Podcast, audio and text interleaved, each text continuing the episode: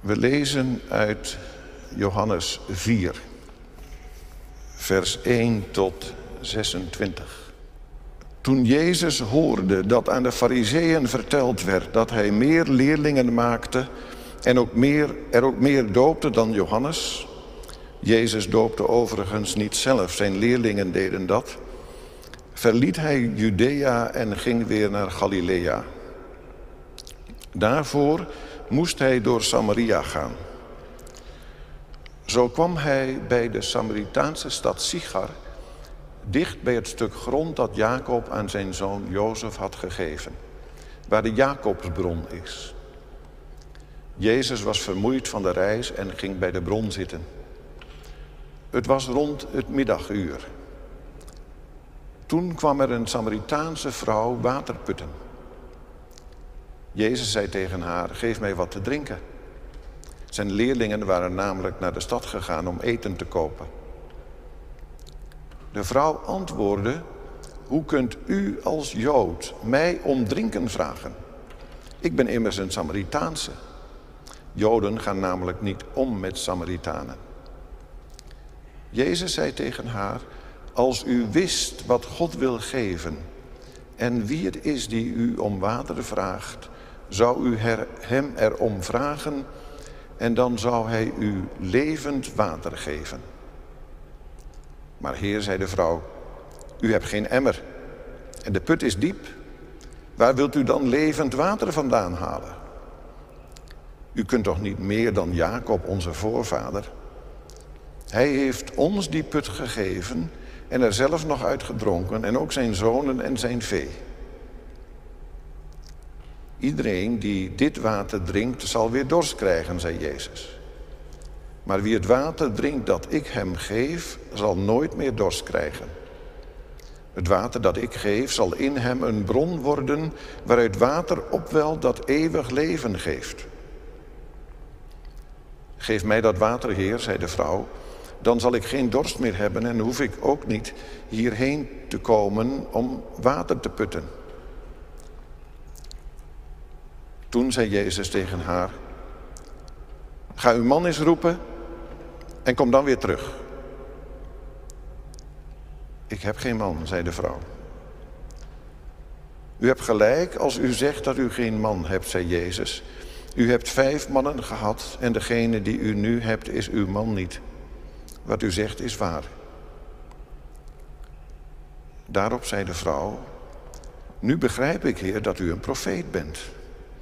Onze voorouders vereerden God op deze berg en bij u zegt men dat in Jeruzalem de plek is waar God vereerd moet worden. Geloof me, zei Jezus, er komt een tijd dat jullie nog op deze berg, nog in Jeruzalem de Vader zullen aanbidden. Jullie weten niet wat je vereert, maar wij weten dat wel. De redding komt immers van de Joden. Maar er komt een tijd, en die tijd is nu gekomen, dat wie de Vader echt aanbidt, hem aanbidt in geest en in waarheid. De Vader zoekt mensen die hem zo aanbidden. Want God is geest, dus wie hem aanbidt, moet dat doen in geest en in waarheid. De vrouw zei, ik weet wel dat de Messias komen zal, dat betekent gezalfde. En wanneer hij komt, zal hij ons alles vertellen. En Jezus zei tegen haar, dat ben ik die met u spreekt. Tot zover de lezing uit het Evangelie. Wij willen stilstaan bij deze geschiedenis uit Johannes 4. En dan met name bij die woorden dat we God mogen aanbidden in geest en in waarheid. Gemeente van onze Heer Jezus Christus. God aanbidden in geest en in waarheid. Uit het gesprek tussen Jezus en de Samaritaanse vrouw zou je de indruk kunnen krijgen dat heilige plaatsen en tijden er niet meer toe doen. Onze voorouders vereerden God op deze berg, zegt de vrouw tegen Jezus. En bij u zegt men dat Jeruzalem de plek is waar God vereerd moet worden. Hoe zit dat eigenlijk? En zou Jezus nu zeggen, ach, Die heilige plaatsen doen er niet zo toe.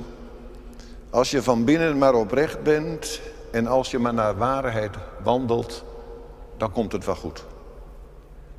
Een relativering van de traditie en van heilige huisjes, zou het daarom gaan?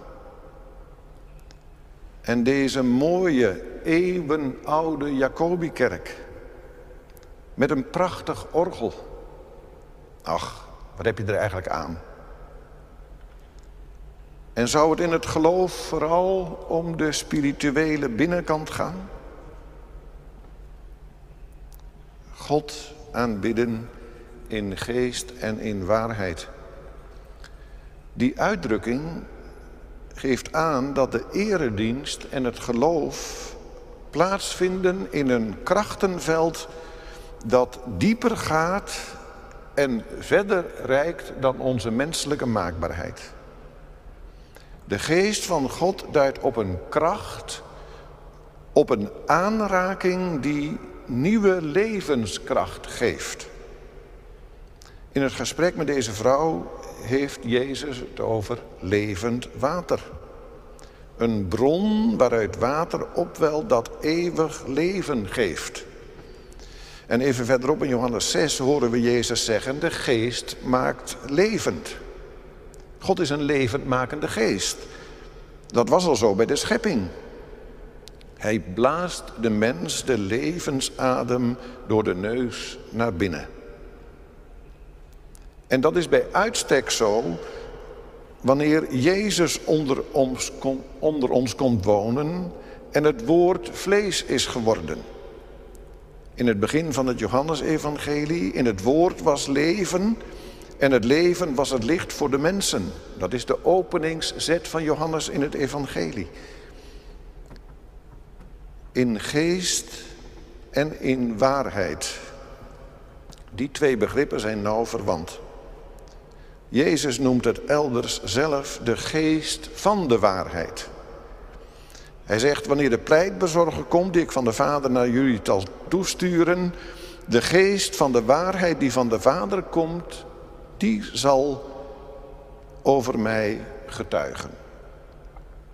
De waarheid heeft dus direct betrekking op de openbaring in Jezus Christus. Gods diepste waarheid. De uiteindelijke en laatste dingen die we over God mogen en kunnen weten. En daar duidt Jezus ook op in het gesprek met deze vrouw. Maar er komt een tijd en die tijd is nu gekomen, zegt Jezus.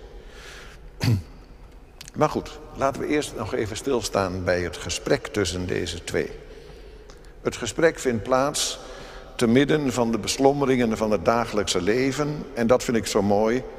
Tegelijkertijd is dat een opening voor het geestelijke leven. Want gaandeweg in het gesprek wordt er een deur geopend. Als u de gave van God kende. In het gewone dagelijkse leven, de dorstlessen, boodschappen doen, wordt de blik gericht op levend water, op de levensbron. En in de loop van het gesprek krijgen wij meer zicht op deze vrouw en krijgt zij meer zicht op Jezus. Meneer, ik zie dat u een profeet bent, waar een goed gesprek al niet toe kan leiden. Jezus zit dus bij de waterput. Op een warme dag. En zijn leerlingen zijn de stad ingegaan om boodschappen te doen. Ze hebben een flinke tocht achter de rug en Jezus is moe van de reis. Het is een beetje zo op het heetst van de dag. De zon staat hoog aan de hemel, er is een strak blauwe lucht en de mensen trekken zich terug in hun huizen om siesta te houden. En dan, dan verschijnt er een vrouw ten tonele. Ik stel me zo voor dat ze een grote kruik op haar hoofd draagt. Ze komt de stad uit en ze gaat naar de put van Jacob om water te halen. En bij die put zit Jezus. Ze raken in gesprek. En het begint met de beslommeringen van de dag. Het levensonderhoud. Maar het mooie is, dan kan ineens ook de diepere nood aan, het, aan de orde komen. De teleurstellingen, de mislukkingen, de verlangens. En voor de vrouw wordt het ook nog eens een confronterend gesprek. Zij komt gewoon water halen. Een gewone dagelijkse bezigheid, al is het tijdstip wel een beetje afwijkend op het heetst van de dag.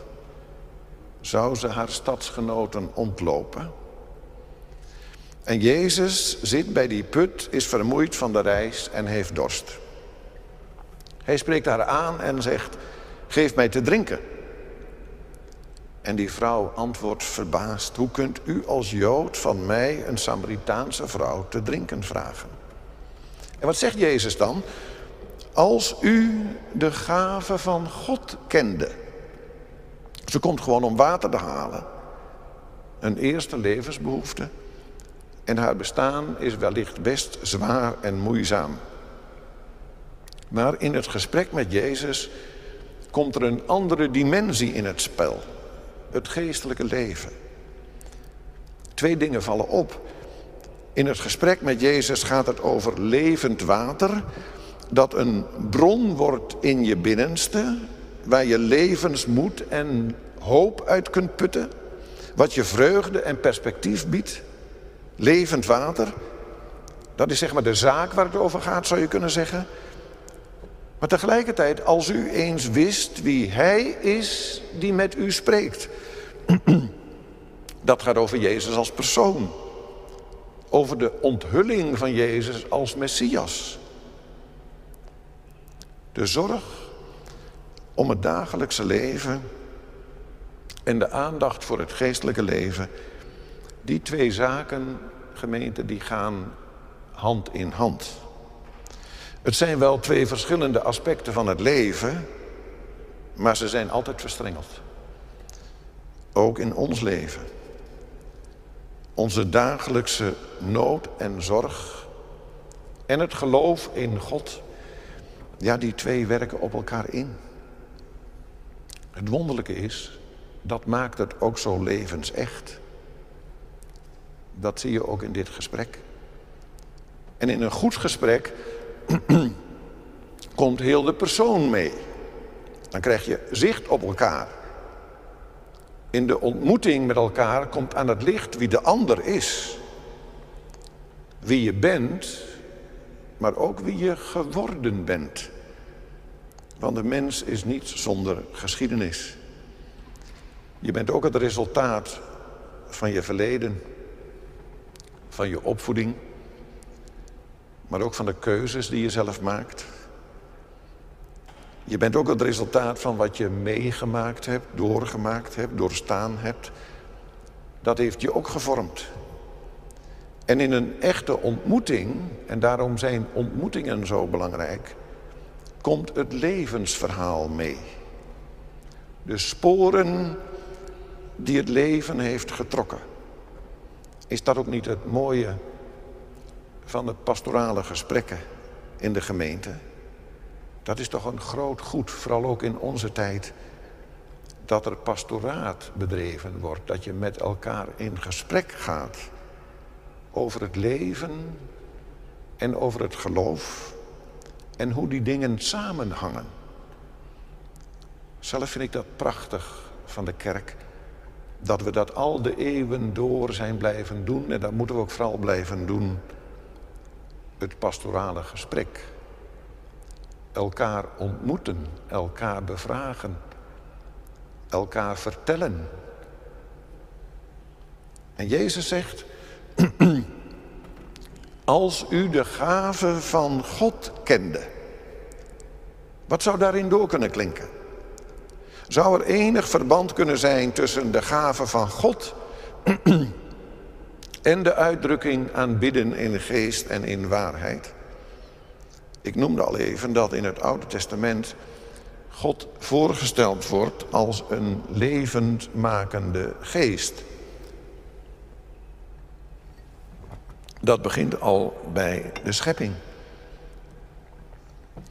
Maar in de jongere geschriften van het Oude Testament, vooral bij de profeten in en na de ballingschap, lezen we dat God iets nieuws zal scheppen door de werking van zijn geest.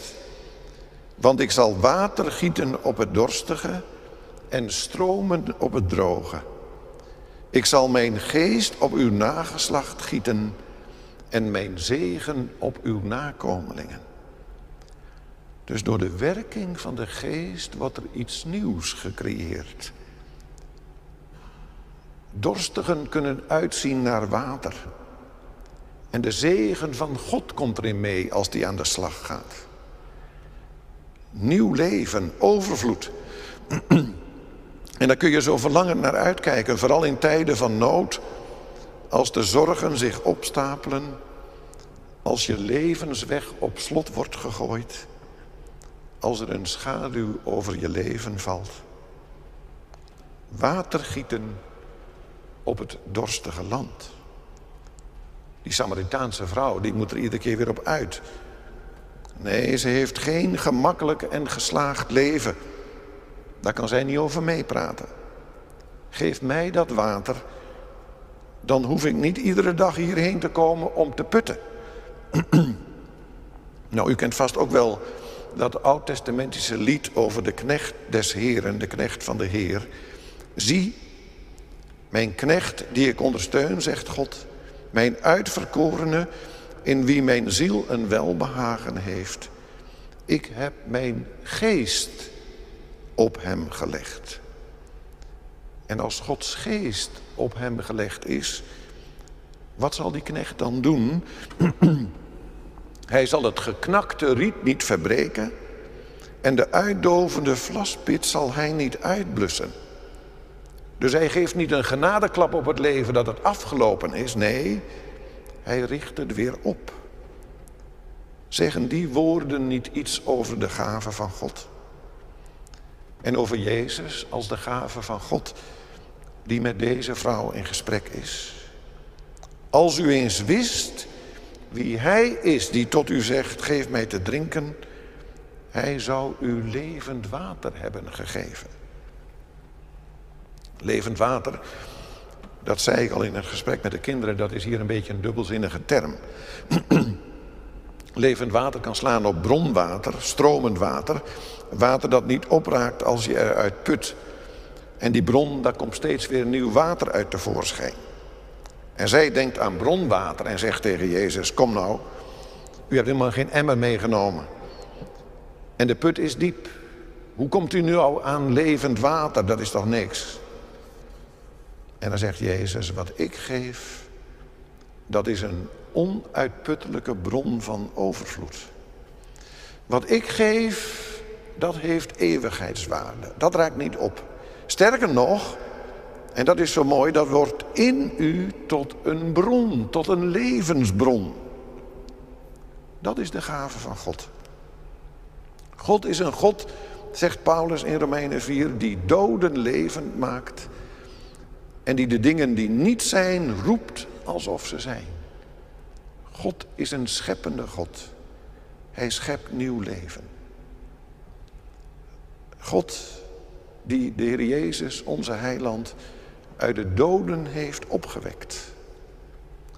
Merkt u het, in het gesprek klinkt het evangelie door. De gave van God die Jezus zelf is. Het leven in plaats van de dood. Hoop in plaats van angst en schaamte. Zou deze vrouw daar niet naar verlangen? Zouden velen vandaag de dag in onze onrustige samenleving heimelijk niet verlangen naar een levensbron, naar iets wat verder reikt en dieper gaat dan het zichtbare en het tastbare? Naar een kracht, een herscheppende kracht, geen verwoestende kracht, nee, een herscheppende kracht die ons uittilt boven het kortzichtige materialisme. En dan, dan komt er ineens een harde en ook wel onverwachte wending in het gesprek. Jezus zegt ineens op een beetje een, een, een botte toon: Ga heen, roep uw man en kom hier. Dat klinkt als een soort bevel. Zomaar pardoes, een breuk in het gesprek. Maar met die breuk wordt ineens het leven opengegooid. Haar geschiedenis, haar misère wellicht, ligt zomaar ineens op tafel. En ze heeft ook geen enkele behoefte om er een beetje doekjes om te winden en het te verdoezelen. Ze zegt ronduit, ik heb geen man. En met een profetische blik heeft Jezus haar levensverhaal aangeboord. En Jezus graaft nog verder, niet in de beschuldigende zin, maar wel ontdekkend. Hij zegt terecht, zegt u, ik heb geen man. U hebt er wel vijf gehad, maar die u nu hebt is uw man niet. Zit er nou een aanklacht in? Of, en daar houd ik het op, of legt Jezus haar onvermogen, haar onvervulde verlangen bloot? De man die ze nu heeft na al die anderen, dat is het hem ook niet. Die is er niet voor haar. Ze staat nog steeds alleen in het leven. Haar leven is niet tot ontplooiing gekomen. Haar innerlijke bron is geen bron die springt tot in het eeuwige leven. En dan zegt zij, ik zie dat u een profeet bent. Ze gooit het ineens over een andere boeg. Zou ze geschrokken zijn van de onthulling van Jezus over haar leven? Dat kan toch? Ik weet niet hoe het u vergaat, maar als het te dichtbij komt in een gesprek, als het de fundamenten van je bestaan raakt, nou dan deins je ervoor terug. Ook in een gesprek. Soms loop je dan liever weg, maar ja, dat doe je natuurlijk niet, dat is niet fatsoenlijk. Dan lopen we niet letterlijk weg, maar dan gooien we het over een andere boeg.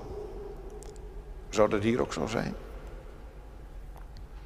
Zij zegt, onze voorouders vereerden God op deze berg.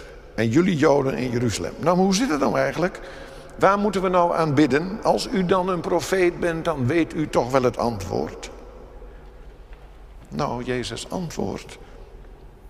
Er komt een tijd. En die tijd is nu gekomen. Nu.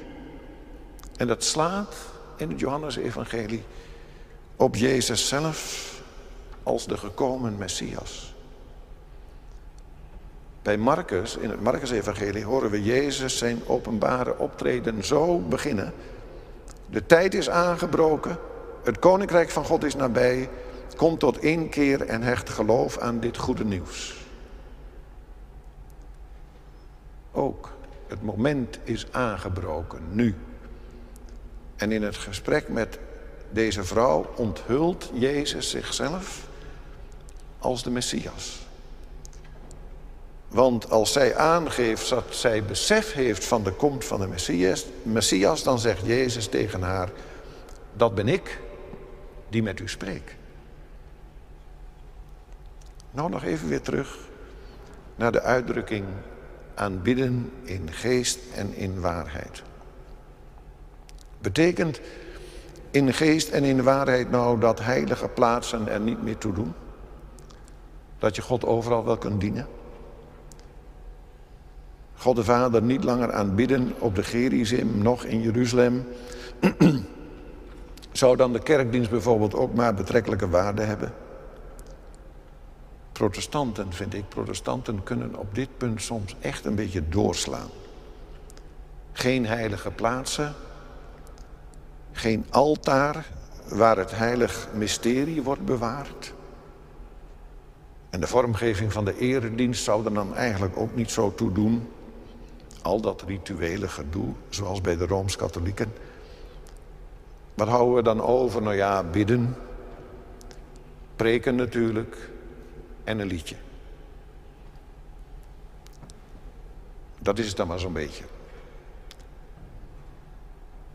Maar op den duur schuiven we dan ook, denk ik, de sacramenten opzij. Ach, uitwendige zaken. Het gaat om het innerlijk, zeggen we dan. Om het geestelijke en het zedelijke leven. De vormgeving van de liturgie. De plechtige stijl. De zorgvuldigheid, ach, dat is maar buitenkant. Maar gemeente, ik vrees dat we dan met het badwater ook het kind weggooien. de vormgeving van de liturgie en de zorgvuldige stijl moeten we niet uitspelen tegen de vrijheid van de geest. Alsof de geest van God alleen maar zou werken door middel van spontane ingevingen. Goede en stijlvolle tradities kunnen heel goed een werktuig van de geest zijn. En klassieke bewoordingen brengen vaak diepgang aan en bewaren ons bij het geheim van Gods openbaring. Want Gods openbaring, ook Gods openbaring in Jezus Christus, blijft een geheimenis. Dat kunnen we niet zomaar doorgronden. Daar hebben we ook traditie voor nodig. Daar hebben we de schrift voor nodig. Daar hebben we zorgvuldige formuleringen voor nodig. Wel mogen we denk ik zeggen dat met de komst van Jezus Christus er een einde is gekomen aan de oud-testamentische offercultus. Maar einde betekent dan niet afschaffing omdat het oud is en verouderd, maar het is tot vervulling gekomen. Jezus is zelf het lam van God dat de zonden van de wereld wegneemt. Jezaja zei, de straf die ons de vrede aanbrengt was op hem. En Paulus zegt, God heeft hem, Jezus Christus, aangewezen als zoenmiddel. En de Hebreeënbrief is daar heel duidelijk over. Wij hebben een hoge priester die in de hemel heeft plaatsgenomen aan de rechterzijde van de troon van God en die de dienst vervult, vervult in het ware heiligdom. Dan zie je dat het allemaal samenkomt in Jezus Christus. Het offer van de verzoening. Hij is het hemels heiligdom binnengegaan en heeft met zijn bloed een eeuwige verlossing verworven. Dus die offergedachte is niet een primitieve voorstelling die niet meer zou passen bij een eredienst in geest en in waarheid. Maar de offergedachte is ten uitvoer gebracht in de persoon van de leidende knecht, de Messias, Jezus Christus. In het gesprek met Nicodemus zei Jezus, dat hoofdstuk gaat net vooraf aan ons hoofdstuk, Niemand kan het koninkrijk van God binnengaan tenzij hij geboren wordt uit water en geest. Water en geest. Nou, dat water duidt op de doop. En door de doop, als je gedoopt wordt, en hier staat een prachtig groot doopvond. Als je gedoopt wordt, dan ga je onder in het water en sta je op tot een nieuw leven. Je gaat onder met Jezus Christus. En je deelt in de opstanding van Christus. Je wordt deelgenoot van Christus. Water en geest. En de geest duidt erop dat de geest van God je ook daadwerkelijk vernieuwt. Door de kracht van, de geest ga je ook zelf Jezus volgen en dienen. Word je geestelijk met hem verenigd. God aanbidden in geest en in waarheid wil dus zeggen dat de geest van Christus invloed krijgt op onze menselijke geest. Zoals Paulus het zegt, en eigenlijk zit er een verband tussen Johannes, de manier waarop hij het zegt, en zoals Paulus het zegt. Paulus zegt, ik leef niet meer, maar Christus leeft in mij. Dood voor de zonde, maar in Christus levend voor God. Door die geestelijke vereniging met Christus in de doop en door de aanraking van de geest zijn we deel van Christus geworden. Vindt u dat niet wonderlijk? Ik vind dat heel wonderlijk en mooi. Dat we door de kracht van de geest mogen delen in de volmaaktheid van Jezus. Dat een mens in het centrum van zijn persoonlijkheid, in zijn ziel, in zijn geest aangeraakt wordt door de geest van God, door de geest van Christus. Dat de geest woning maakt in je leven voor Jezus Christus, zodat God een plek krijgt in je leven. Dat de Heer Jezus, die 2000 jaar geleden geleefd heeft, niet op afstand blijft, maar binnenkomt bij ons. Ons aanraakt door de kracht van de geest. Een onweerstaanbare kracht. Prachtig is dat. Weet u wat mij verder opvalt? Jezus openbaart zich in de vorm van een goed gesprek. Een gesprek waarbij het leven ter sprake komt. Het geleefde leven, het getop, de mislukkingen en het verlangen. De geest van Christus vermengt zich met onze menselijke geest. Hij zoekt verblijf in onze littekens, in de wonden die het leven sloeg, in het verlangen naar genezing en heling. Aanbidden in geest en in waarheid zou dat niet betekenen dat wij mensen te midden van onze zorgen en moeiten, met onze gebroken levens, met onze levensidealen, met onze frustraties, God mogen aanroepen om de bijstand van de geest. De geest van Christus. Dat we Hem mogen smeken om genade, om ontferming. En dat we ondertussen als gemeente vrolijk beleiden, Jezus is de weg, de waarheid en het leven. God aanbidden in geest en in waarheid, dat is beleiden dat de levenskracht van boven komt, van Christus. Lof zij Christus. Amen.